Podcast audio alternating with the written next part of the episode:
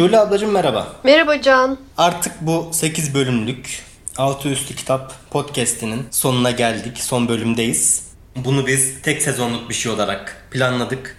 Bir kitabı var ettiğini düşündüğümüz, önemli kıldığını düşündüğümüz temel öğeler üzerinde durduk. Bundan da çok keyif aldık. Bunları çünkü olağan sohbetlerde şimdi dur bakalım öykü ve kurgu konuşalım, dur bakalım dil ve teknik konuşalım diyemeyebiliyoruz. Veya bu yoğunlukla bunların üzerinde konuşamayabiliyoruz. O yüzden ben kendi adıma çok keyif aldım. Bu bölümde artık hem bu zamana dek söylemiş olduklarımızı biraz derleyip toparlamak için hem de evet bu kadar konuştunuz peki şimdi biz ne okuyalım demek isteyenler olabilir diye bunu bir serbest bölüm, bir serbest final olarak düşündük. Ee, beşer kitap seçtik. Şu anda hangi kitapları seçtiğimizden e, birbirimizin de haberi yok. Sırayla bir ben, bir Şule abla bu kitaplardan söz edecek. Bunları kısaca tanıtacak. Ee, belki işte kimlerin okuyabileceğini, kimlerin e, bunları okumaktan keyif alabileceğini söyleyeceğiz. Ee, ancak bu serbest bir bölüm olduğu için kendimizi bu format içerisinde çok sıkıştırmak da istemiyoruz. E, ola ki sohbet, muhabbet bir yerde başka bir yöne doğru evrildi. Belli bir çerçeve içinde kaldığımız sürece bu konuda da kendimizi kısıtlamak istemiyoruz. Yani bu her zamanki gibi bir sohbet olacak ancak kitap önerileri ve sevdiğimiz kitaplar genel başlığı dışında daha dar, daha yoğun bir e, konu başlığımız bu bölümde olmayacak. Bakalım ben sözü sana bırakıyorum. Buradan sonra sende. Ara ara e, şiir konu oldu. E, sen de dedin ki ben e, şiire bir türlü e, sevemedim, yakınlaşamadım, hep uzak kaldım dedin. Şimdi ben de seçerken 5 kitap seçeceğiz dedik. Yani birini seçiyorum, bir yazarı seçiyorum, bir kitabı seçiyorum. Aklım öbüründe kalıyor. 5 seçmek çok zormuş. Yani şuna sevindim. Benim bayağı bir sevdiğim yazar varmış, kitap varmış. Hani birbirinden ayırdı, ayıramadım. Neyse bir zorla 5 taneyi seçebildim. Bir numaraya ben e, bir şairi oturttum. Küçük İskender. Harika. Çok özel bir şair. Sonra da e, zaten bu sohbetlere başladığımızdan beri aklımda ya ben bu canı nasıl şiire yakınlaştırabilirim diye düşünüp duruyorum. Şimdi önce Küçük İskender'den bahsedeyim. Ben niye çok seviyorum Küçük İskender'i? Ezelden beri zaten hani şiir sevgim vardı. Çok iyi bir şiir okuyucusu olduğumu iddia edemem. Ama şiir hep birinci öncelikli olarak hayatımda okur olarak yer aldı. Küçük İskender'le e, ilk daha lise, üniversite yıllarımda sanırım ilk karşılaştığımda kitaplarıyla, şiirleriyle beni çok rahatsız etmişti. Çünkü ben böyle o dönemler daha hanım hanımcık hayatın gerçekleriyle henüz haşır neşir olamamış birisi olarak böyle tokat yemiş gibi oldum onun şiirlerini okuduğumda. Bir türlü anlam veremedim. Fakat bende e, karakter olarak bir şey vardır. İnat ederim bir konuda. Ya ben hani bu kadar herkesin sevdiği bir şair hani bir şey var ben anlamıyorum demek ki diye. Zaman içinde e, onun şiirine de yakınlaştım ama ona asıl yakınlaşmam şansıma burada Gümüşlük Akademisi'nde atölye veriyordu. Hikayeler uzun. E, onunla ilgili çok fazla şey yaşadık burada çünkü iki senesini Bodrum'a yerleşti ve aramızdan ayrılmadan önceki iki senesini Bodrum'da geçirdi. Maalesef onun o hastalık zamanına da tanık olmuş oldum. İlk atölyesine katıldım. Bir günlük bir atölye, iki günlüktü. Bir güne indirildi. Çeşit, e, bir sıkıntı vardı programla ilgili. Yaşadığım en büyülü günlerden biriydi. Ve ben böyle bir fırsat ele geçmişken yazın başındaydı. Bundan 3-4 sene önce yazın baş, başındaydı atölye. Yazın e, sonunda tekrarlanacak atölye. Ben de kendisine gittim izin almak için. Dedim ki ya ben bu atölyeye yazın sonunda tekrar katılacağım. Çünkü çok mutlu oldum bu atölyede. O da dedi ki ama sıkılırsın aynı şeyleri konuşacağız dedi. Niye sıkılayım? Hani şairin, sizin gibi bir şairin atölyesine nasıl sıkılabilir bir insan? Aynı şeyleri konuşur. Ben gene mutlu bir şekilde dinlerim dedim. Peki sen bilirsin dedi ama son derece e, mesela zariflik, zerafet kelimesi bana hep Küçük İskender'i hatırlatıyor. O rahatsız edici metinler, şiirlerdeki ifadelerden dolayı ben onu başka bir yerde görüyormuşum imaj olarak. Ya ben bu kadar kibar, zarif, duyarlı, düşünceli, karşısındakiyle sonsuz bir empati kuran bir insan daha tanımadım. Neyse ikinci atölye oldu. O kadar etkilendim ki atölyede tek ikinci kere gelen bendim. Haber vermiştim ben izin istemiştim yine akademiden de. Geleceğim ama ikinci kere katılıyorum. Yine de bir izin ister misiniz Küçük İskender'den diye. Ben geliyorum diye programa e, eklemeler, değişiklikler yapmış. Ben sıkılmayayım diye bir kişi için. Bu kadar zarif bir insan. Daha sonrasında da buradaki hemen hemen tüm söyleşilerine katılmaya çalıştım. Onun bütün kitaplarını tabii çok seviyorum. Gözlerim sığmıyor gözüme. İlk şiir kitabı, ilk yayınlanan şiir kitabı beni çok etkilemişti. Çünkü bu kitapla ilgili atölye sırasında bir sürü anı anlattı. Bunlardan biri şöyleydi. O çok aklımda kalmış. Hiç ismini çok seviyorum o yüzden bu kitabın. Bir kere Küçük İskender doğuştan şair. Yani şair olarak dünyaya gelmiş. Çünkü kendini bildiği bildiği zaten şiir yazıyormuş. Yani biliyor bir şekilde. Yani hiç şiir hep hayatının en önemli. Nefes aldığı şey. Sonunda sanırım daha çok genç yaşında yılı hatırlamıyorum. Kitap teklifi geliyor yapılması üzerine. Bir sürü şiiri var. Onlardan bir seçim yapıyor. Kitap oluşuyor. Bir türlü isim bulamıyorlar. Her şey hazır. Bir türlü isim bulamıyorlar. O sırada bir yerde oturuyor. Bir kafe gibi bir yerdeler. Onun anlattığı hikaye bu. Yan masada bir çocukla babası sanırım sohbet ediyorlar. Çocuk resim yapıyor. Çocuk resminde çizdiği insan figüründe tek bir göz olmuş. Tek gözlü. Babası da soruyor. Niçin tek göz koydun? Hani ikinci gözü niye yok bu adamın diye. Çocuk da diyor ki o yüzüne sığmadı diyor. İkinci göz. Ve bundan çok etkileniyor küçük İskender. Gözlerim sığmıyor yüzüme diye ilk şiir kitabını çıkarıyor bu isimle. Ve bize şunu söylemişti. İşte biz maalesef çocukken yani bu, bu e, kurduğumuz o hayal dünyası, yaratıcı dünyadan yetişkinliğe doğru gitgide uzaklaşıyoruz. Onun için hep yüzünüzü çocuklara dönün diye söylemişti bize. Birinci kitabıyla ilgili yani Küçük İskender ve kitapları ile ilgili günlerce konuşabilirim. E, benim için çok değerli, çok etkileyici. Ama burada şöyle bir şey söyleyeceğim e, günlerdir düşünüyorum ya bu canı biz nasıl yakınlaştırsak şiire diye. Benim aklıma şöyle bir şey geldi. Buradan da bütün bizi dinleyenleri de davet ediyorum. Bir akım başlatalım. Şiir sevmeyenlere karşı. Şöyle bir şey yapacağım ben sana. İster oku ister okuma. Benim sevdiğim, çok etkilendiğim şiirleri ara ara sana göndereceğim. Madem şiir okumuyorsun Hani mecburen hani olur Şule abla göndermiş bir bakayım dersin diye ara ara göndereceğim. Belki bu şekilde ufaktan ufaktan seni de şiirin dünyasına alabiliriz. Dinleyicilere de diyorum ki çevrenizde can gibi insanlar varsa ve siz de bir şiir severseniz onlara çok bıktırmadan ara ara sevdiğiniz şiirleri paylaşın, gönderin. Şiir her yeri doldursun. Zaten Küçük İskender'in de hepimize vasiyetiydi. Giderken şiire iltica edin dedi tüm Türkiye'ye. E, son söyleşilerinden birinde ben de onun dediğini söylüyorum. Şiire iltica edin diyorum. Sözü sana bırakıyorum. Çok teşekkür ederim. Şimdi ben e, kitap önerilerinde ilgili bu tür anılarla bunu destekleyemediğim için çok sönük kaldığımı hissettim ama çok çok güzel bir giriş oldu. Çok teşekkür ederim inceliğin için. Şimdi seni şaşırtayım. Hani ben Küçük İskender daha önce okudum.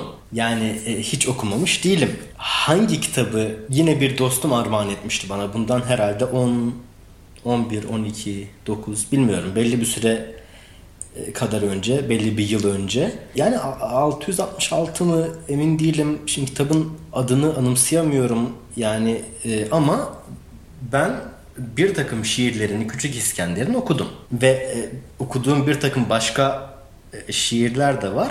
Hani ben şiirden anlamıyorum derken hani şiire karşıyım veya şiir iyi bir yazınsal tür değildir.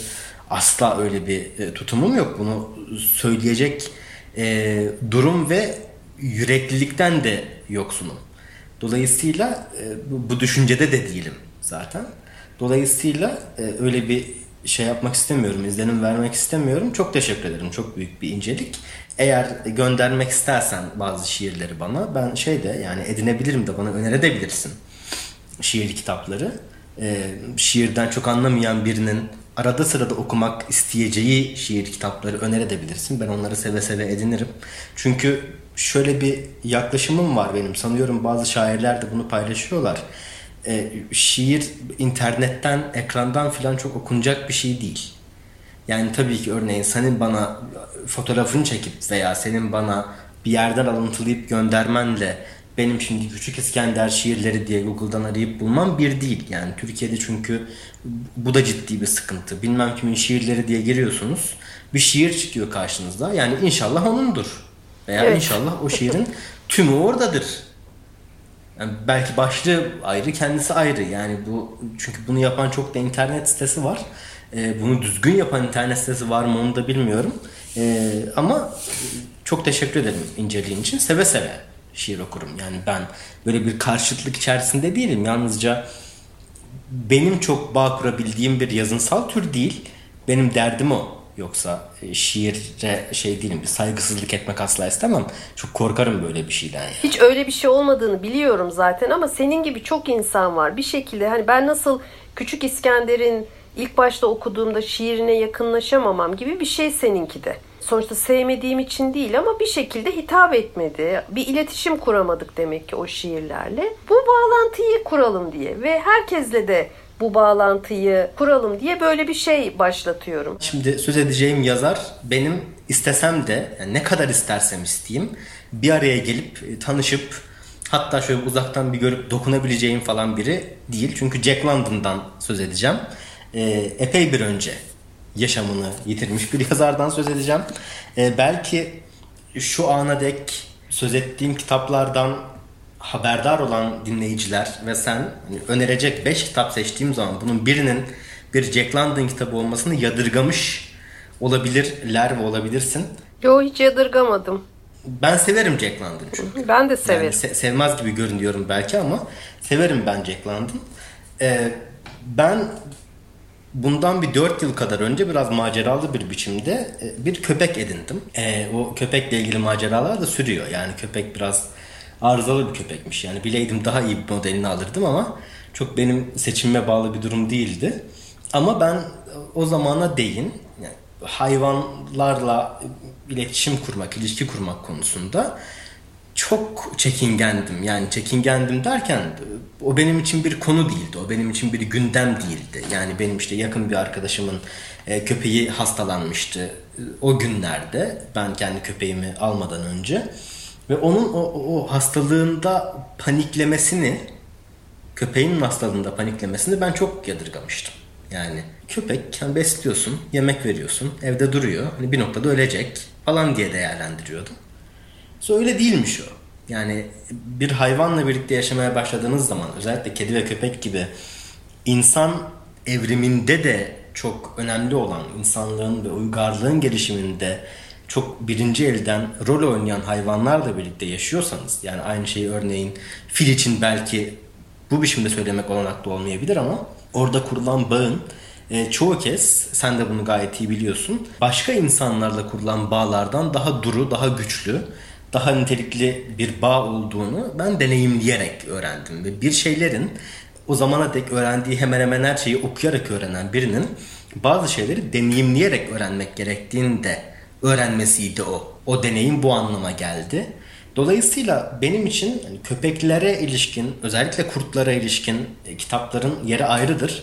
E, ben Ege'yi, köpeğimi e, sahiplendikten sonra bir süre sonra en azından köpeklerle ilgili kitaplar okumaya başladım. İşte önce çok bilinen işte Bruce Vogel'ın rehberleri, osu busu.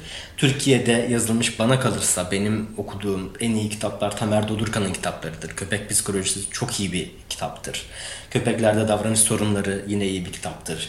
Yani ben köpeklerle ilgili eğlenceli bir şey okumak istiyorum diyen insanlar için Merdivenden Korkan Köpek iyi bir kitaptır örneğin. Ama ben şimdi bu 5 öneri kapsamında araya birkaç tane daha kitap sıkıştırdım ama bu üçkağıtçılığı yaparak Beyaz Diş'ten söz edeceğim. Ben Beyaz Diş'i geçtiğimiz haftalarda okudum ve beklemiyordum da. Yani açıkçası şimdi şey yapmak istemiyorum.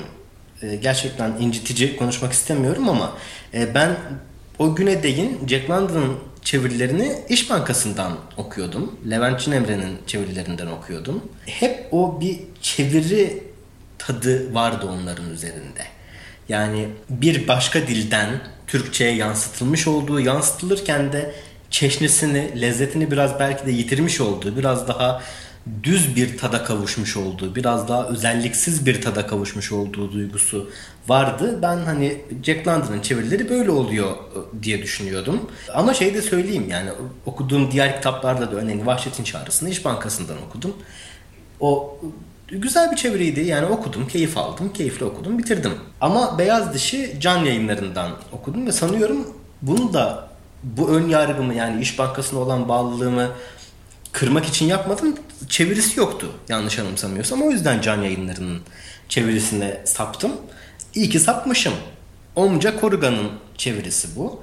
Yani kusursuz bir çevirimi, Türkçe'de yapılmış en iyi çevirimi değil, kuşkusuz değil ama çok bilinen, çok çevrilmiş, çok okunmuş bir romanın çok lezzetli, Türkçe bir lezzeti olacak biçimde çevrilebilmesi beni çok mutlu etti. Çok güzel bir, çok tatlı bir çeviri Beyaz Diş'in çevirisi. Kitap da öyle. Yani e, ana karakterin aslında bundan karakterler üzerinde konuştuğumuz bölümde söz etmeyi planlıyordum. İlki etmemişim. E, burada daha ayrıntılı konuşmak olanağı oldu. Ana karakterin kurt olması, kurt köpek kırması, bir hayvan olması. Çok güzel bir şey bence. Yani kurtlar iyidir, ana karakterde kurt olsun, o zaman bütün ana karakterler kurt olsun demek istemiyorum kuşkusuz ama benim çok ilgimi çeken bir anlatım tarzı ve tekniğiydi o. Ben çok heyecanla okuyup bitirdim Beyaz Dişi de. Çocukken de ya okumamışım ya da o kısaltılmış baskılarından birini okumuşum. E, ve şey de bilmiyorum yani bu şimdi çizgi filmleri falan yapılıyor. Sanıyorum en son Netflix'te bir çizgi filmi yapılmış. Yani aslında bu öyle çok çocuk canlısı bir kitap falan da değil.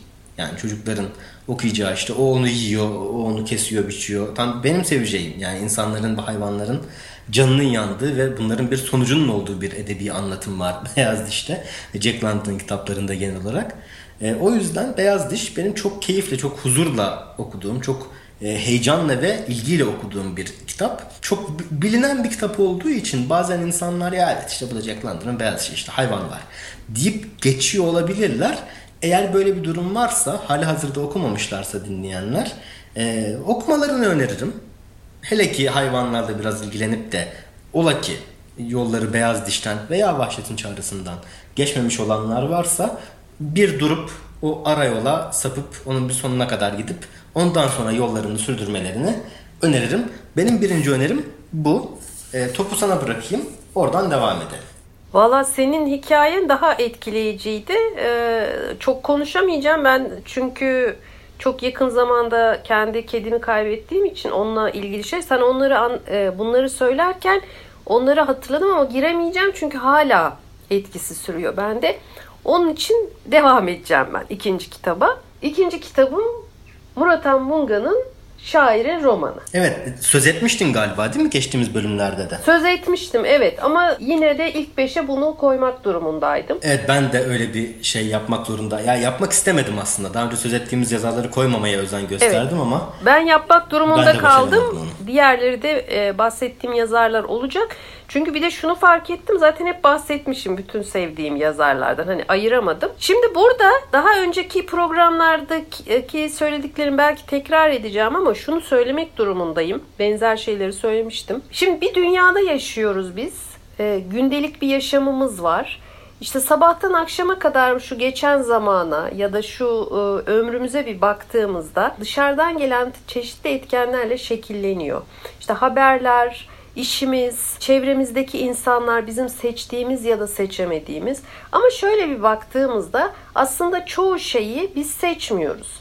İçinde bulunduğumuz e, coğrafya, koşullar, bizi yönetenler, iktidarlar, muhalefetler, medya bunlar tarafından yönlendirilerek bir yaşam sürüyoruz ve bazen bizim seçiyoruz dediklerimiz aslında belki de seçmiyoruz, seçtiriliyoruz. Böyle bir dünyadayız. Ve bazı zaman zaman da oturup düşünüyoruz, isyan ediyoruz. Yani niye bunlar böyle oluyor? Kabul edemediğimiz şeyler oluyor. Dünya ile ilgili, çevremizde olup bitenlerle ilgili. Şimdi e, kitapları niye seviyorum?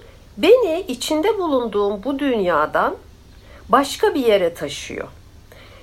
Ve orada bana içinde yaşadığım dünyayı başka bir pencereden gösteriyor. Bir dakika diyor. Bir de buradan bak olaya. Bir de buradan bak dünyanın bu görüntüsüne diye. Ve bunu yaparken yeni bir gerçeklik yaratıyor bu dünya. Ama şunu da yapmıyor. İçinde yaşadığımız gerçekliği yatsımıyor, reddetmiyor. Onu alıp yoğuruyor, dönüştürüyor. Ondan daha iyi bir gerçek, ondan daha iyi bir dünya, ondan daha iyi bir yaşam olabilirliğini, daha şahane bir şeyin olabilirliğini anlatmaya çalışıyor. İşte şairin romanı kült diyebileceğim bir eser. Bana göre Muratan Munga'nın en önemli yapıtı, en nitelikli yapıtı. Zaten e, kendisi söyleşilerinde hep söyler. Bütün kitapları için çok uzun zaman, yıllar geçiyor. Dosyaları var. O kitap e, tam no, son noktaya gelene kadar yıllarca o dosyanın içinde e, sürekli Mungan tarafından elden geçiriliyor, çalışılıyor. Şairin romanı da sanıyorum 10 senede falan yazılmış bir roman. İşte bu kitap benim için öyle. Yani beni bambaşka bir dünyanın içine götürdü. Resmen bu ayrı bir dünya bu kitap. Onun içine giriyorsunuz. içinde yoğruluyorsunuz. Sizi dönüştürüyor, şekillendiriyor öyle çıkıyorsunuz ama aslında çıkmıyorsunuz. Hep bir tarafınız o kitabın içinde kalıyor. Böyle bir kitap. Geçen programda sen e, benim şey huyum yoktur kitaplarla ilgili işte illa ciltli olsun, şurası şöyle olsun, burası böyle olsun diye. Metis benim en sevdiğim yayın evlerinden biri. Metis'in hangi kitabını alsam hep çok memnun kalmışımdır. Hem aldığım kitaplar e, içerik olarak sürpriz bir kitap alsam bile hiç hayal kırıklığına uğramadım. Yani yayınladıkları eserleri çok iyi seçiyorlar. Hem içindeki titizlik, editörlük, düzeltiler, hani bunlar dört dörtlük, çevirileri her zaman çok iyi. E, kapakları, kapak tasarımları, iç tasarımları çok iyi. E, bu Munga'nın şair romanını da Metis bir normal karton kapaklı bir de ciltli yayınlamıştı. Ben öyle illa ciltli kitap alayım demem ama çok özel kitapları ciltli alıyorum. Bunu hem ciltlisini aldım bunun hem karton kapaklısını aldım. Murat Mungan benim için çok özel bir şair ve yazar. O yüzden zaten bazı kitaplarının bütün baskılarını alıyorum. Mesela Yaz Geçer şiir kitabı. Onu işte sana tavsiye edebilirim. İlk zaten sana bugün gönderirim. Oradan bir şiir göndereceğim. Benim hayatımın en değerli şiirlerinden biri. O kitapta sanırım ilk şiirdi. Yalnız bir opera ismi. E, o kitabın mesela ben 4-5 kopyasını aldım. E, Metis ara ara özel baskılar çıkarır o kitapla ilgili. Onları aldım. Onların hepsi var bende. İkinci kitap için şimdilik bu kadar konuşayım. Buyurunuz Can Bey. Söz sizde. Metis gerçekten özel bir yayın evi. E, hiç hak yiyemem. Yaptıkları işte çok özenliler.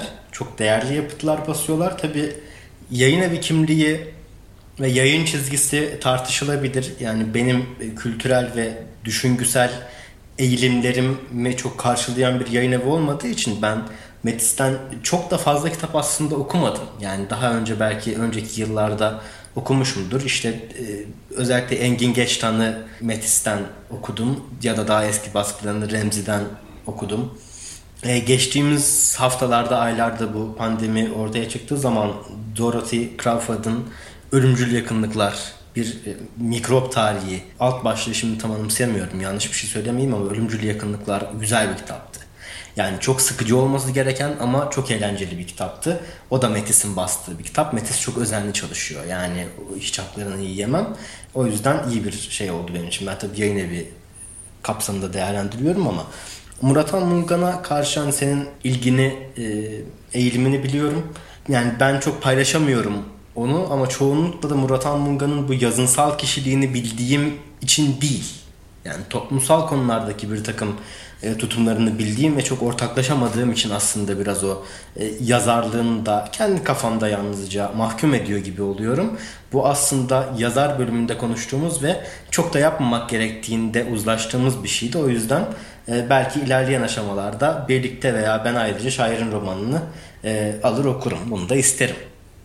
Şimdi benim tabii ki yani bu bu listede bu listeyi yapıp bu adamdan kaçmam çok olanaklı değildi. Denedim. Yani daha önce çok söz etmediğim yazarlardan söz etmek istedim bu 5 kitap içerisinde ama Otlakçı'dan söz edeceğim. Memduh Şevket'in öykü kitabından söz edeceğim. Bu bilgi yayınlarının bastığı bir kitap. Memduh Şevket'le ilgili sanıyorum yazar bölümünde değil ama teknik bölümünde çok ayrıntılı konuştum. Yani bir dönemin insanını gizli kameraya çekmişsiniz de olmayacak, hoşa gitmeyecek konuşmaları atmışsınız. Yalnızca eğlenceli izlenebilir konuşmalar kalmış ve onları birilerine sunuyormuşsunuz gibi. Yazan bir adam Memduh Şevket.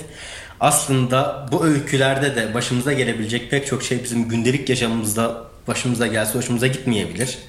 Ama Memduh Şevket'in çok güzel bir dili var. Çok güzel bir dili var. Bana çok uyan, beni çok iyi hissettiren bir Türkçesi var Memduh Şevket'in.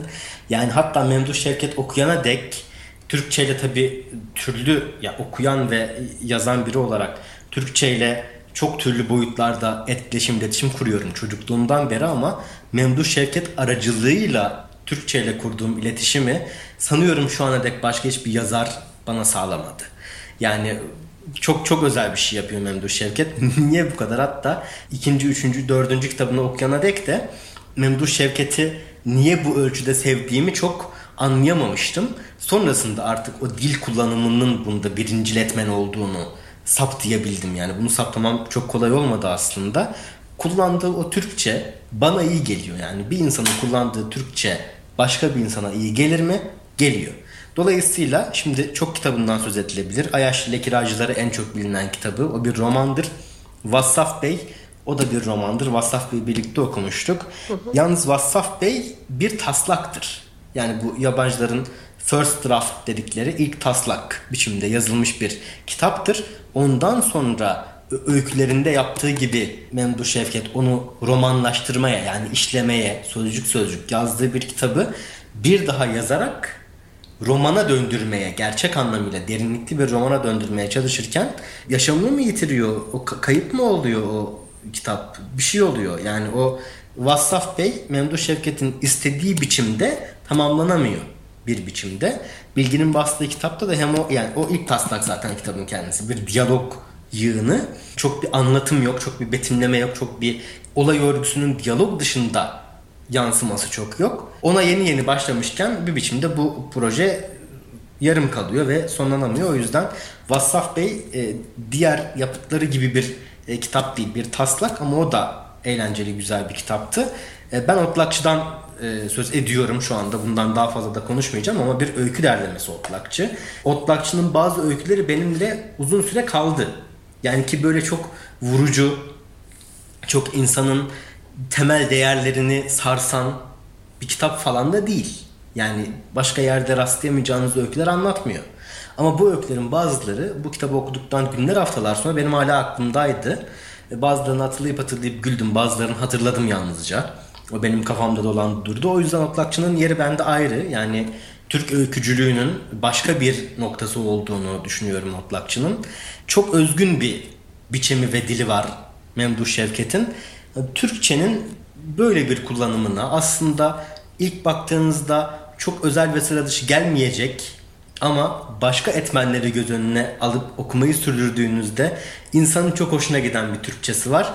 Bu boyutuyla önerebilirim ve benim için yeri çok çok ayrı. Top sende. Teşekkürler. Benim de üçüncü e, kitabım ve yazarım yine daha önce bahsettiğim Mine Söğüt. Mine Söğüt'ten Kırmızı Zaman. Benim şöyle bir şansım var. Gümüşlük'te oturunca böyle burada çok fazla daha önce de söyledim ya yazar yazarın olduğu bir yerdeyim. Ama e, eleştirmiştik de bu kadar çok yazar olmasa Mine Söğüt gerçekten bir yazar. Yani hani çok hak ediyor bu sıfatı benim için ve birçok insan için de öyle olduğunu biliyorum. Çok özel bir yazar. Özel bir okur kitlesi var. Herkesin okuyabileceğini düşünmüyorum. Onun için de belki böyle hoşuma gidiyor. Daha önce söylemiştim ya çok satan insanların çok satan yazarlar benim için böyle bir kıskan yani niye herkes seviyor hani belli bir biz yani belli bir e, gruba ait olsun. Herkes seviyorsa olmaz falan gibi bir düşüncem vardı. Her neyse lafı uzatmayayım. Mine Söğüt'ün kitapları gerçekten zordur. E, Mine Söğüt sert yazar. O, yazdığı olaylar serttir. Dili sert değildir. Şiddete karşıdır. Şiddetin her türüne, dildeki şiddetten ruhsal şiddete, e, e, duygusal şiddete, şiddetin her türüne karşı ama kitaplarında şiddetin her türü işlenir. Mine Söğüt anlamak üzerine kurgular kitaplarını. Hep neden sorusunu sorar. Kendisi sorar, bunu okurla paylaşır. Ve kitaplarında aklınıza gelebilecek her konu ve olayı masaya yatırır. Bağırsaklarına, damarlarına, her şeyine varıncaya kadar ince ince onları açar, keser, biçer ve anlamaya çalışır. Neden böyle? Neden o korkunç olayların temelinde ne var da insanlar bunu yapıyor ve bizimle bunu paylaştığı için çok kolay değildir kitapları. Kırmızı Zaman nispeten diğer kitaplarına nazaran biraz daha bu anlamda yumuşak bir kitap.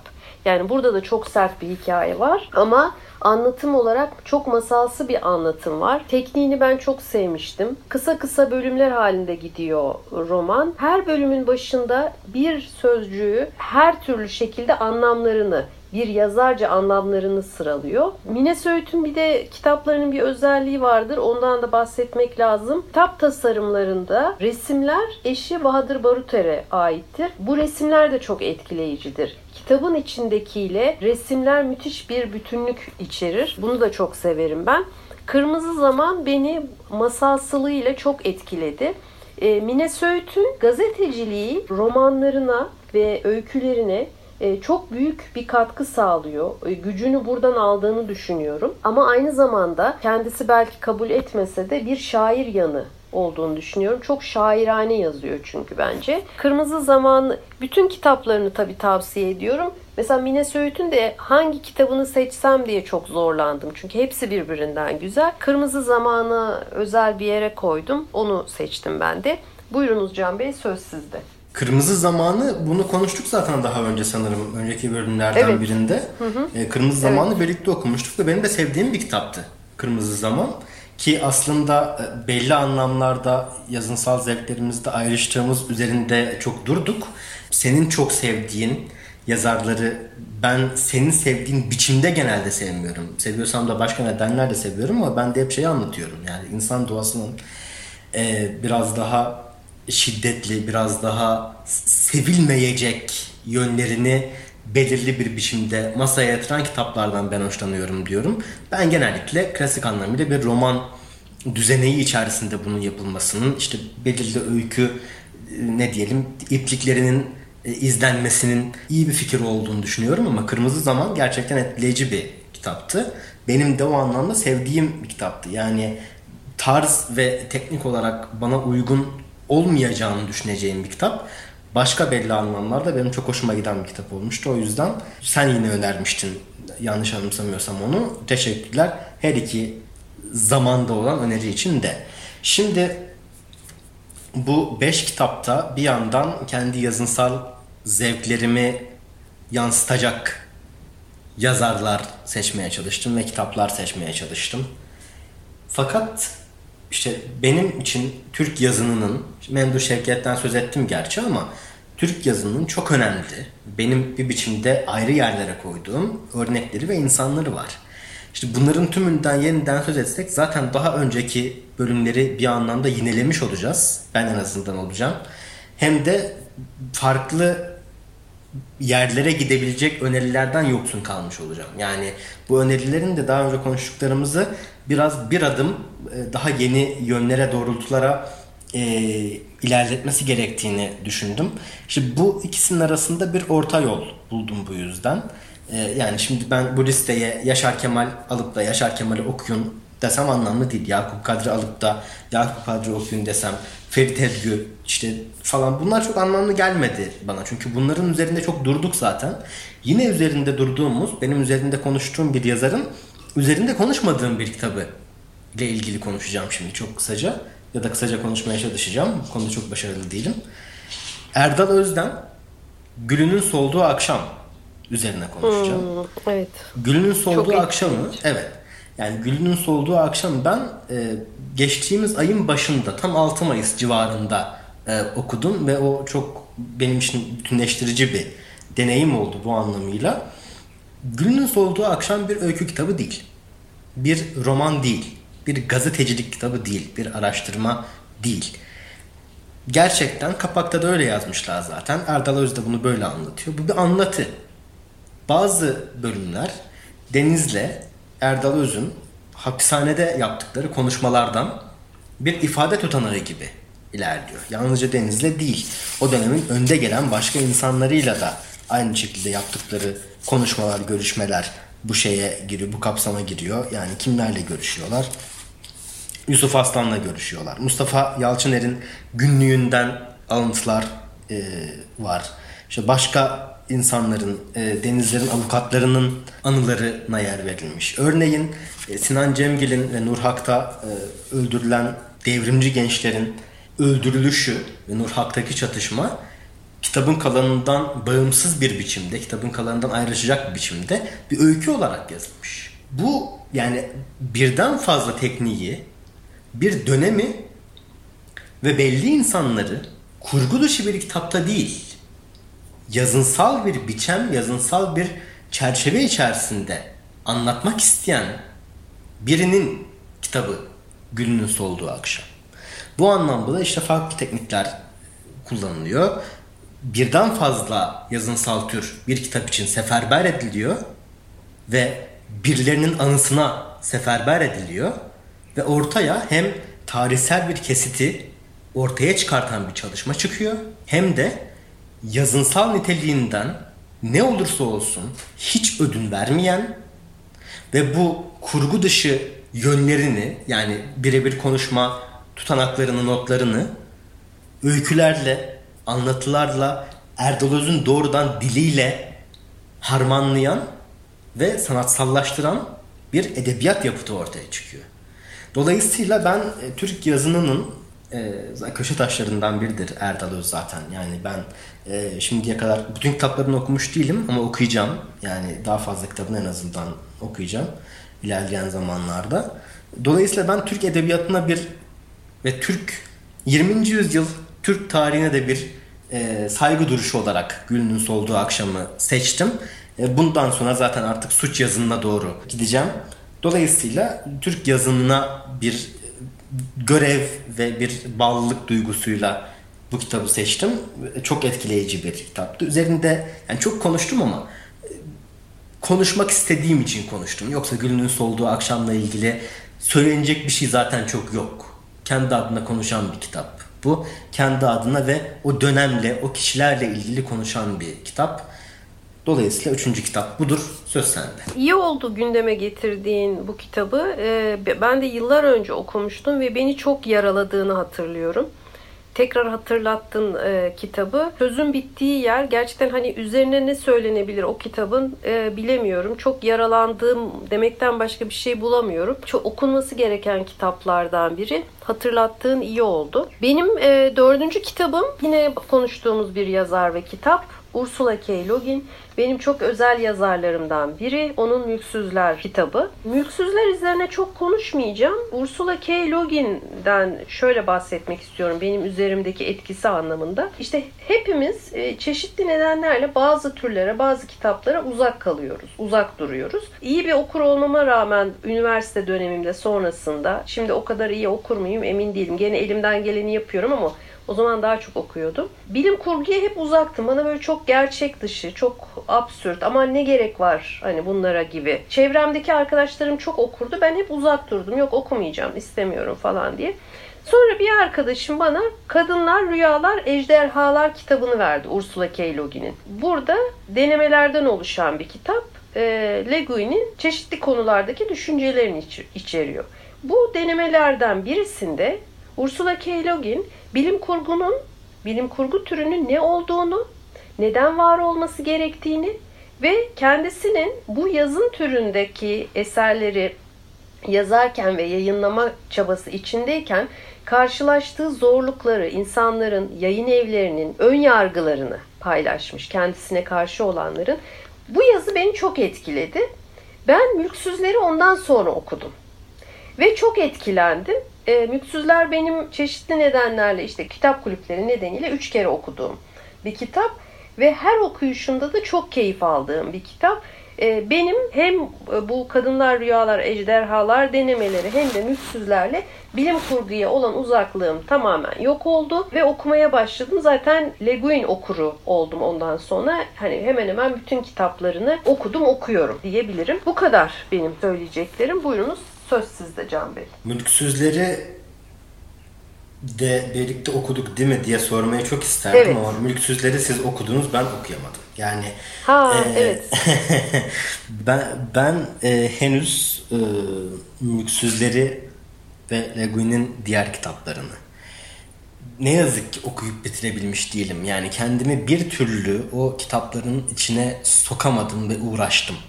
Yani uğraşınca zaten çok olmuyor benim Olmuyor. deneyimime göre ama yani başka türlü bir ruh durumu ve koşullar bütünü gerektiğini düşünüyorum bunun için. Henüz buna yani bu ruh durumu ve koşullar bütünü sağlanmışsa o sırada ben bu kitabı okumayı denemedim.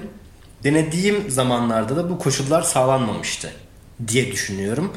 Bir noktada yani yaşamın bir noktasında umuyorum ki bunları bir araya getirip seninle bu noktada en azından bir yere dek uzlaşmayı ya da en azından neden söz ettiğini bütünüyle kavramayı deneyeceğim. Yani benim için bir eksiklik ancak ne yazık ki ba- başaramadım. Yani benim okuyamadığım yazarlardan biridir. Benzer biçimde Oğuz Atay'dan söz ettik. Yani benlik değil. Ee, her ikisinin de tabii çok ayrı yazarlar ama e, her ikisinin de tekniği ve tarzı. Ee, ben çok daha kolay okuduğum ve benim okumaktan da çok keyif aldığım e, türde kitaplara biraz geleceğiz. Hani biraz da aslında hani benim ne yöne eğildiğimi başka tarzda kitaplarda bazen neden sıkıntı çektiğimi de açıklayan aslında iki öneriyle kapatacağım ben öneri- önerilerimi öyle düşünüyorum. Şimdi ee, Karen Slaughter'dan söz edeceğim. Karen Slaughter Amerikan suç yazımının önde gelen adlarından biri.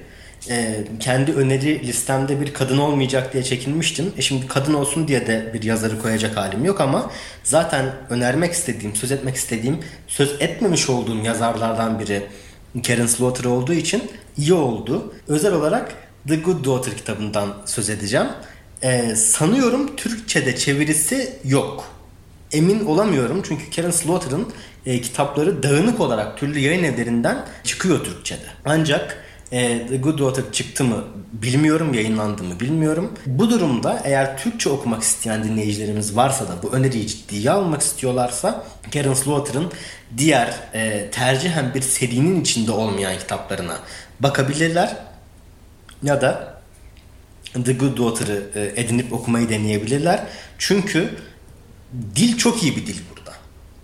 Yani e, suç yazını her zaman şununla suçlanır ve yargılanır aslında. Ya kardeşim siz cinayet anlatıyorsunuz. Burada edebiyat yok. Denir. Bunun her zaman haksız olduğunu söylemek de çok olanaklı değil. Yani şeyden söz etmiyorum. Cinayet roman edebiyat değildir diyecek değilim. Ya bunu diyecek biri varsa da o ben değilim zaten ama kurgunun dilin, tekniğin önüne geçtiği çoğu kez sık rastlanılan bir durum suç yazımında.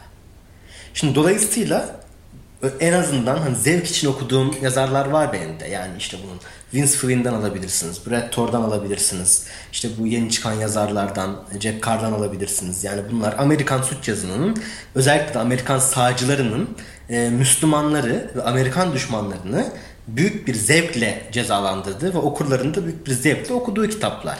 Şimdi e, Amerikalı değilim. Hani am- büyük olasılıkla orada insanların cezalandırılmasını da keyifli okuyor değilim ama o Amerikan aksiyon filmlerinin ruhunu yansıtan kitaplar olduğu için onları zaman zaman keyif almak için okuyorum. Biraz da uzak kalmamak için türden. Ama önereceğim, öne çıkmasını isteyeceğim. Evet suç yazımı böyle olmalı diyeceğim e, kitaplar onlar değil. Karen Slaughter'ın The Good Daughter'ı buna bir örnek. Çünkü yani ben Amerikan yazının içerisinde küçümseyici konuşmak istemiyorum ama Amerikan yazının içerisinde e, çok nitelikli dil kullanımında, İngilizce kullanımına çok sık rastlamıyorum. Yani Amerikan klasiklerini çok okumadığım için büyük olasılıkla bu söz ettiğim insanların birbirini vurduğu ve bundan mutlu olduğu kitaplarla sınırlı kaldığım için büyük olasılıkla böyle bir şey düşünüyorum. Üstüne üstlük benim tam anlamıyla kendi dilimde olmayan kitapları dil ve teknik bakımından inceleyip eleştirip yargılayacak bir durumum da yok. Yani evet okuyorum. E, İngilizce okumaya da alışkınım ama ana dilim İngilizce değil kardeşim benim. Yani sen şimdi güzel yazmamışsın. Kendi yorumumca söyleyebilirim. Öznelliğe şey yapamam. Nesnelliğe çok yaklaşamam e, burada. Ama Karen Slaughter'ın neredeyse nesnel olarak çok incelikli ve işlemeli bir dil kullandığını söyleyebilirim. bunu yaparken olay örgüsüyle de, karakterleriyle de, kullandığı yerlerle de, ortamlarla da inandırıcılığı hiç yitirmediğini ve o dil işlemesini hiçbir zaman ağır, ilerlemeyen bir kurguya saplamadığını ifade etmem gerekiyor. Bunu söyleyebilirim. O yüzden hem hızlı akan, heyecanlı bir kitaptır. The Good Daughter, Karen Slaughter'ın okuduğum diğer kitapları da öyle. Veya öyküleri de öyle. Hem de okuduktan sonra yani evet bir şeyler okudum ama hani keşke daha böyle dişe dokunur, daha insanın hoşuna giden bir dilde bir şey okusaydım demeyeceğiniz kitaplardan biridir. İyi bir suç yazını örneğidir. Keşke suç yazınının diğer örnekleri de bu tür kitaplara yaklaşabilse. Teşekkürler. Hem bu kitap tanıtımı için teşekkürler hem de bir kadın yazar seçtiğin için. Eğer şimdi 5 kitabı bekliyordum. İçinde bir kadın yazar olmasaydı yanmıştın. ee, konuyu buraya getirip kısacık bir iki şey söylemem gerekiyor bu konuda. Maalesef dünyada da bu e, Türkiye'de de erkek egemen bir edebiyat dünyamız var. Burası kesin. Yani buna kimse karşı çıkmasın. E, yayın evlerinde ticari bakış nedeniyle bir sürü sıkıntı var ama bu sıkıntılardan bir tanesi de erkek egemen bakışları, e, bakış açıları, duruşları. Buradan gene bizi dinleyenlere şunu söylemek istiyorum. E, lütfen bu nedenle kadın yazarları okuyun. Kadın yazarların tarafında olmaya özen gösterin. Herhangi bir söyleşi, herhangi bir derleme, herhangi bir yazın etkinliğinde, olayında eğer kadın sayısı azsa yoksa genelde olmuyor ya da az oluyor. Lütfen tepkinizi dile getirin. Buna ben çok dikkat ediyorum. Çok kısacık bir şey söyleyeceğim buna bir örnek olsun diye. Ankara'da şans eseri katıldığım bir etkinlik oldu Gülten Akın'la ilgili bir sempozyum düzenlenmişti onun anısına. Gittik salon hınca hınç dolu dört konuşmacı var. Ben fark etmemiştim önce. Dört konuşmacı da erkek. Birisi Haydar Ergülen'di. Diğer isimleri tam hatırlayamıyorum. Ama akademisyenlerdi diğerleri. Şiir üzerine e, bayağı ahkam kesecek akademisyenlermiş. Fakat söyleşinin bir yerinde bir baktım akademisyen olanlar Gülten Akın'ın şiirine eleştiri getirmeye başladılar. Hani evet çok harikadır, şöyledir, böyledir ama şiirinin şöyle de bir eksiği vardır, burası da böyledir derken Haydar Ergülen müdahale etti. Bir dakika ya dedi. Biz ne yapıyoruz burada dedi. Dört tane erkek oturmuşuz. Gülten Akın şiirini tartışıyoruz. Hiç mi kadın şair yok bu ülke dedi. Ne kadar ayıp etmişiz dedi bir anda. Bir salon tabii e, karıştı. E, hemen susuyoruz dedik. E, salonda eminim kadın şairler vardır. Bir sürü varmış. Hemen söz onlara verildi. E, bunu bu her yerde yapmamız gerektiğini düşünüyorum. Kısaca araya girmiş oldum. O yüzden kurtuldun benim eleştirilerimden Can. yok ha, ben de çok ufak bir girdi yapayım. Yok eleştiriye hazırım. Yani şu anlamda hazırım. Doğru çünkü. Yani benim yazınsal zevklerim e, uyarınca benim okuduğum yazarların büyük çoğunluğu erkek. Yani benim çalıştığım alanda da örneğin çalışanların büyük çoğunluğu erkek. Yani 20. yüzyıl siyasi tarihi ve özel olarak da Cumhuriyet tarihi ve İkinci Dünya Savaşı'nda Türkiye-Almanya ilişkileri çalışıyorum ben. Yani, e, şu anda birinci öncelik olarak bu akademik çalışmayı sürdürmüyorum ama akademik boyutta yaptığım iş ve yapmayı sürdürdüğüm iş bu. E şimdi burada okuduğum kitaplar da göz önünde bulundurulduğu zaman, suç yazın da göz önünde bulundurulduğu zaman, sevdiğim şeyler de göz önünde bulundurulduğu zaman kadın yazarlara rastlamak çok kolay olmuyor. Yani ben bundan şikayetçiyim açıkçası. Yani ya bende bir sıkıntı var ya biz ya da bizde bir sıkıntı var ya da genel olarak burada bir eksiklik var. Yani çünkü sevdiğim şeyler belli. Bunu yapabilen hani ben şu şu şu, şu türde bir dil kullanımından hoşlanıyorum. Tekniğin şöyle olmasından hoşlanıyorum. Böyle öykülerden hoşlanıyorum. Hani evet gerçekten benim anlattığım biçimiyle insanların birbirini öldürdüğü ve insanların da bundan mutlu olduğu kitaplar ve filmler çoğunlukla toplumsal cinsiyet rolleri uyarınca erkeklere biraz daha yakıştırılıyor. Ama şimdi Karen Slaughter buna çok iyi bir örnek. Karen Slaughter benim okuduğum kitapların çoğundan daha vahşi yazıyor. Ya aynı şekilde şimdi Patricia Cornwell Amerikan yazarlarından Türkçe'de de yaygın olarak çevrilen Catherine Fox bunlar da e, suç yazarları. Şey, e, Tess Gerritsen dizileri falan çekilen kitapların yazarları. Yani benim en sevdiğim yazarlardan değil bunlar ama aslında varlar ve bunlar da bu toplumsal cinsiyet rolüyse rolü kardeşim yani erkeklerin gayet hoşuna gidebilecek şeyler yazıyorlar. O onu öldürüyor, onu kesiyor, biçiyor. Adli tıpçılar geliyor, inceliyor, bir şey oluyor falan filan. Yani tabii bu suç yazını böyle ifade etmek de çok büyük bir indirgemecilik oldu ama yani dolayısıyla burada ya bizim yaklaşımımızda ya da e, yaygın temsilde bir sorun var. Bir noktada bunu kırmak gerekiyor ama çok şey yapmak da istemiyorum. Yani insanları da e, tedirgin etmek istemiyorum. Yani sen neden kadın okumuyorsun? Biz neden kadın okumuyoruz? Neden? Kadın okuyun. Kadın okuyun. Hani şimdi kadın diye de insan okunmaz. Ya nasıl Aa, ki bunları ki, erkek diye tabii. okumuyorsak kadın Tabii. diye de insan okunmaz. Bu yavaş yavaş hani ağır ağır ama işte ben 5 kitap önerdim. Bir kadına yer verebildim. Daha fazla kadın okuduğum zaman belki iki kadına yer verebileceğim. Veya vermeyeceğim. Ama okumuş olduğum halde vermeyeceğim. Şimdi okumadığım için yani düşünüp düşünüp ulan kadın yazar ben hiç okumuyorum herhalde demektense hayır kardeşim ben bunları seviyorum. Benim sevdiğim yazarlar genelde erkek demek yeğdir. Eğer şeyse bu temsil sorunundan söz ediyorsak. Konuyu toparlayamadım çok ama e, yani Karen Slaughter o anlamda beni kurtardı. Çünkü gerçekten çok iyi bir kitap. Gerçekten de önereceğim bir kitaptı. Kadın olsun diye onu alaydım üzülürdüm. Şöyle ben de tabii ki kadın diye okuyun demiyorum. Ama burada şöyle bir sıkıntı olduğunu düşünüyorum. Yani benim de şimdi listeme seninle konuşurken baktım. Kadın yazarlar tabii ki oldukça çok var ama sayısal olarak baktığımda gene erkek e, yazar sayısı daha fazla. Çünkü erkek yazarlara daha çok olanak tanınıyor yayınlama açısından. Yani ben eminim Tabii. suç yazınında da yayınlanmamış e, kitabı olan, yayınlamaya çabalayan kadınlar olduğuna eminim. Ama piyasada kendilerine yer bulamıyorlar işte bu e, sorunlu bakış açısı nedeniyle. Ben elimde somut gerekçeler, somut kanıtlar yok ama böyle olduğunu düşünüyorum. Çünkü sonuçta bu dünyada da bir adam kayırma durumu var. Tanıdığına tabii ki e, tanıdığına, bildiğine, refer, referansına baktığına kitap yayınlıyor. E, kadınlar burada yine ikinci plana atılıyorlar. Benim düşüncem bu şekilde. Bunun değişmesi dileğiyle diyelim.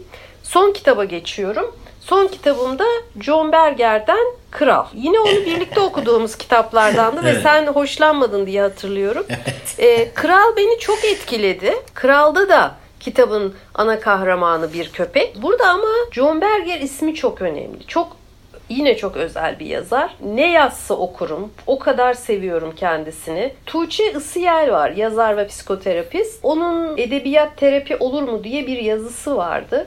Ee, o geldi aklıma. Şimdi bu saydığım yazarlar ve kitapları benim için terapist aslında. John Berger de böyle birisi. Ben ne zaman John Berger'in herhangi bir şeyini okusam hangi modda olursam olayım hemen o moddan çıkıyorum. Kendimi harika hissediyorum. Güçleniyorum. Büyük böyle bir motivasyonla devam ediyorum günüme, hayatıma. Benim için böyle bir yazar. Hayata bakış açısını çok seviyorum. Ömrünü anlatmaya adamış bir adam. Anlamaya ve anlatmaya. İyi ki böyle bir insan var olmuş dünyada. Çok büyük eksikliği olurdu onun yazıları olmasa. Yani dünyada çok önemli, dünyada güzel şeyler olmasına çok büyük etkisi olan bir isim olarak düşünüyorum. Üretimiyle. O kadar bir de üretken bir insan ki e, çok üretmiş, her yere yetişmiş. Türkiye'de de birçok dostu var. Dünyanın her yerinde dostlar edinmiş. Müthiş bir isim. Ben tabii ki Kral'ı seçtim ama John Berger'in her kitabı okunur. Hepsini tavsiye ediyorum. Buyurun Can Bey, sizde söz. Çok güzel anlattın, ifade ettin. Ee, sanıyorum ilk bölümde konuştuğumuz kitap kadar okur olması yani e, veya okur kadar kitap olması konusuna geri dönmek istiyorum. Yani o kitabı biz birkaç kişi okuduk. Sen şimdi bambaşka bir kitap okudun. Ben bambaşka bir kitap okudum. Benim okuduğum o kitap yani fiziksel olarak aynı yayın evinin, aynı yazarın, aynı kitabının aynı baskısıydı. Ama benim okuduğum o kitap bende aynı duyguları yaratmadı. İşte bu sanatın öznelliği ve öznel olduğu için değerli olması. İşte her yapıtın bu yalnızca kitaplar için geçerli değil. Konuştuk bunları. Yani o üretimin aslında kalıcı bir ve sürekli bir üretim olması, okuyan herkes kadar o eserin, o yapıtın yeniden üretilmesi zaten sanatı değerli kılan temel şeylerden biri en azından. Belki de en temel şey değil ama e, yaşamsal da bir noktası okumanın, yazmanın, dinlemenin, izlemenin. Dolayısıyla e, buradaki ayrışmamız da bana kalırsa değerli. E, John Berger'in çok değerli biri olduğunu biliyorum. E, başka çalışmaları da çok öne çıkıyor. E, kurgu dışı çalışmaları da bildiğim kadarıyla çok öne çıkıyor ama yine benim uzak kaldığım yarı bilinçli yarı bilinçsiz okuduğum zaman da çok kendimde ne diyelim benlik bulmadığım yazarlardan bir tanesi. Benim son kitabım yine bu adamı bu listeye almamak için uğraştım. Ama başaramadım. Şu yüzden başaramadım. Suç yazının benim şu ana dek okuduğum sanıyorum en iyi örnekleri bunlar. E, iki kitaptan söz edeceğim özellikle. E, Don Winslow'un e, The Power of the Dog'u ve The Kateli. Bunlar bir üçlemenin ilk iki kitabı. Üçlemenin üçüncü kitabını okumayın. Tuğla gibi bir kitaptır. Alırsınız başınıza bela olur. Gümrükten geçiremezsiniz. Yani mangal yerlenir öyle söyleyeyim. Mangal yakacağınız zaman sallayamazsınız da büyük bir kitap olduğu için. E, Don Winslow bu şeyi çok iyi vurgulayan da bir durum aslında. Yazarla yapıt arasındaki ayrımı çok iyi vurgulayan da bir durum.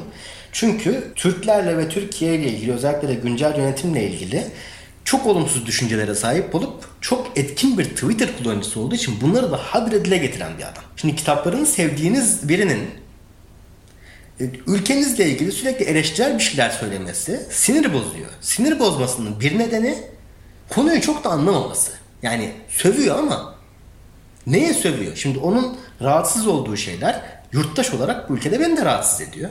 Ama onun rahatsız olma nedeniyle benimki bir değil. Ben somut veriler ışığında rahatsız oluyorum. O okuduğu 2-3 tane köşe yazısıyla rahatsız oluyor. Yani konuyu buraya çok getirmek istemiyorum ama Don Winslow'un bu anlamda politik kimliğini yani kişi olarak kimliğini yapıtlarının biraz önüne koyduğunu düşünüyorum. Don Winslow'un kişiliğinde bunu eleştirmek isterim.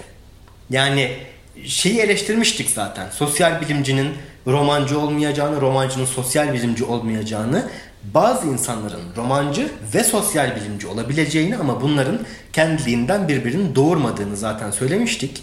Burada şimdi e, The Power of the Dog Amerika'nın uyuşturucuyla savaş dediği e, Meksika uyuşturucu kartelleriyle yasal mücadelesini ya da adli mücadelesini anlatan e, kılık değiştirmiş bir kitap. Şu yüzden kılık değiştirmiş bir kitap.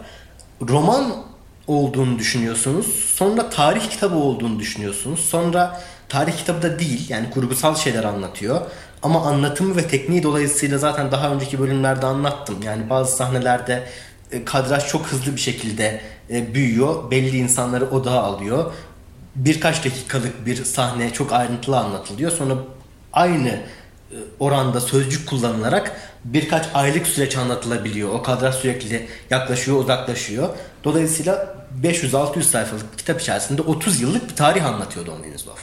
Kendisi de zaten e, yüksek öğrenim boyutuyla tarihçi yani tarih öğrenimi görmüş. Afrika tarihi öğrenimi görmüş. Dolayısıyla bu bölgeyle ilgili de biraz daha bilinçli olmasını bekliyorsunuz. Değil ilginç bir şekilde. E, the Power of the Dog bunu yapıyor. İkinci kitap The Cartel burada aslında yarım bırakılmadan yarım bırakılmayan bir hikayeyi sürdürüyor ve iyi bir şekilde sürdürüyor. Yani bir üçleme olarak tasarlanmamış bu kitaplar. Bir ikileme olarak da tasarlanmamış bu kitaplar. Aslında yalnızca The Power of the Dog'u okuyup bitirip tamam benlik bu kadar diyebilirsiniz. Kitap çünkü e, hikayenin öykünün sürdürülmesini gerektirmiyor. The Cartel burada bırakılan öyküyü alıyor ve bir savaş öyküsüne dönüştürüyor. 700-750 sayfalık bir kitap o da ve e, hiç durmadan, yani dur durak bilmeden bir savaş anlatıyor. Meksika'nın e, bu sefer işte Power of the Dog 1970'lerin ortasından 2002'ye 2004'e kadar geliyor. The Cartel 2004'ten gidiyor, 2014'e kadar geliyor.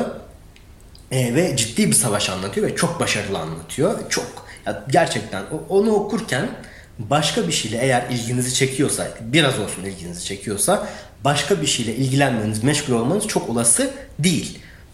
Fakat tabi üçlemenin üçüncü kitabıyla ilgili söyleyecek güzel şeylerim yok. Çünkü The Power of the Dog 2005 yılında yayınlanıyor. E, 1998'den 2004'e kadar hazırlanıp yazılıyor. 6 yıl boyunca bunu araştırıyor ve yazıyor Don Winslow. The Cartel ikinci kitap e, 10 yıl sonra 2015'te yayınlanıyor. Fakat e, Don Winslow iflah olmaz bir Trump karşıtı olduğu için yani Trump'ın desteklenecek herhangi bir yönü olduğunu düşündüğüm için söylemiyorum bunu ama iflah olmaz bir Trump karşıtı olduğu için bunu yazınsal üretimin önüne geçiriyor ve e, kartelden 4 yıl sonra ki arada başka bir kitap yazmasına karşın e, bu sefer bin sayfaya yakın The Border diye üçüncü bir kitap yazıyor. Ve tümüyle Trump'ın bu Meksika-Amerikan sınır politikasına ilişkin ve uyuşturucuyla mücadele e, politikasına ilişkin bir kitap. Yani orada işte benim aslında podcast'te birkaç kez vurgulamak istediğim şeyi yapıyor. Kendi siyasi anlatısını bir roman olarak sunuyor. O sırada da ne oluyor? O iyi bir roman olmuyor.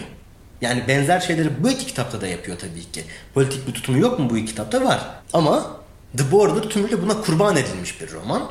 Dolayısıyla da e, aynen işte bu e, Mario Puzo'nun ve Francis Ford Coppola'nın Baba filmleri gibi birincisi çok iyidir, ikincisi daha da iyidir, üçüncüsünü izlemeseniz de olur. Don Winslow sanıyorum hani Godfather'larla böyle bir bağıntı kurulmasını kendisi arasında ister miydi bilmiyorum ama başka türlü bağıntıları yeğleyebilirdi belki. Birinci kitap iyidir, ikinci kitap daha iyidir. Üçüncü kitabı okumasanız da olur. Yine de buna karşın anlattığım o teknik ve kapsadığı konular ve bunları anlatması bakımından dili çok iyi bir dildir. Don Winslow'un çok ıı, basit, çok akıcı ama aynı zamanda çok işlemeli, çok sanatsal bir dildir. Onu, onu ben çok seviyorum. Yani zaten hemen hemen önerdiğim, sevdiğimi söylediğim bütün, bütün kitaplarda da benzer şeyleri yücelttim, övdüm. Don Winslow'un şahsında suç yazımının iyi yönlerini aynı zamanda e, siyaseti, toplumsal görüşleri sanatsal, yazınsal üretimin önüne koymanın kötülüklerini konuşmuş olduk. E, sanıyorum bu önerdiğim 5 kitap içerisinde söylediklerimle de kitaplara karşı genel yaklaşımımı e, önceki bölümleri bütünleyecek, tamamlayacak biçimde özetlemiş oldum. Yani umudum bu yönde. Çok teşekkür ediyorum. Evet ben de teşekkür ediyorum Can'cım. Altı üstü kitabın 8 bölümlük çerçevesinin, rotasının sonuna geldik. Birinci bölümden son bölüme dek kitaplarda neleri sevdiğimizden söz ettik. Farklı yazınsal zevklerin nasıl ortaklaşabildiğinden söz ettik. Türk yazınından söz ettik. Ben özellikle batılı suç yazınından söz ettim. Umuyorum ilerleyen aşamalarda yine böyle bir şeyler yaparsak veya başka türlü e, bizi dinleyen dostlarla bir araya gelirsek Türk suç yazınının güzelliklerinden de söz etmek olanaklı olur. Ben kendimi biraz daha o konuda geliştirebilirsem eğer. Benim için çok değerli bir program oldu. 8 bölüm içerisinde bir kitabı oluşturan ana öğeleri iki okur olarak ve yalnızca okur kimliklerimizle bazen ben o, o okur kimliğinin biraz dışına çıkmış olabilirim belki ama bu okur kimliklerimizle bir kitabı var eden öğelerden söz ettik. Bunları tümüyle kendi kişisel zevkimize göre belirledik. Yaptığımız yorumlar kendi kişisel zevkimize göre idi. Ve bu aslında iki kişilik bir sohbet olmasına karşın bizim koyduğumuz çerçeve içerisinde benzer bir çerçevede bizimle buluşabilecek başka dostları da davet etmeye, toplu bir sohbete çevirmeye, bir eşlik durumu ortaya çıkartmaya yönelik bir sohbetti. Biz şimdi her buluştuğumuzda kitaplardan söz ediyoruz. Ee, birkaç haftada bir okuduğumuz kitaplar üzerinden e, toplu tartışmalar yapıyoruz ama hiç böyle belirli bir çerçevede kuramsal nitelik de taşımasına özen göstererek yoğunluklu bir sohbet gerçekleştirmemiştik. Dolayısıyla benim bu unutacağım bir şey değil. Benim için çok değerli bir şey oldu bu. Umuyorum bizi dinleyen dostlarda da bir iz bırakmışızdır. Keyifli bir deneyim olmuştur onlar için. Umarım bir biçimde kendilerini bizim sohbetimizin içinde bulmuşlardır. İster istemez kendilerini dinlerken yanıt verir halde bulmuşlardır. Bu bizi çok mutlu eder. Ee, ben özellikle bu podcast'in sizlere ulaştırılmasında çalışan benim değerli dostum Efe'ye, Efe Dinler'e çok teşekkür ediyorum. Şule ablacığım sana çok teşekkür ediyorum. Benim 8 saate yakın e, süre kitaplarla ilgili konuşmamı bir zaman aralıklarıyla da olsa e, çektiğin, katlandığın ve bunda bana eşlik ettiğin için, beni bu alanda eğlediğin için çok teşekkür ederim. Dinleyenlere de çok teşekkür ediyorum. Ben de e, bu işin teknik kısmı çok önemli. E, Efe olmasa e, böyle bir program da var olmayacaktı. Öncelikle Efe'ye çok teşekkürler. Gerçekten. E, sana çok teşekkürler ve bizi dinleyenlere çok teşekkürler. Benim için hiç e, zor bir süreç değildi. E, külfet değildi. Çok keyif aldığım bir süreç oldu. Çok teşekkür ediyorum. Küçük İskender'in vasiyetini tekrarlayalım. Herkes şiire iltica etsin. Ne kedisiz, ne kitapsız, ne şiirsiz kalın. Hoşçakalın. Hoşçakalın.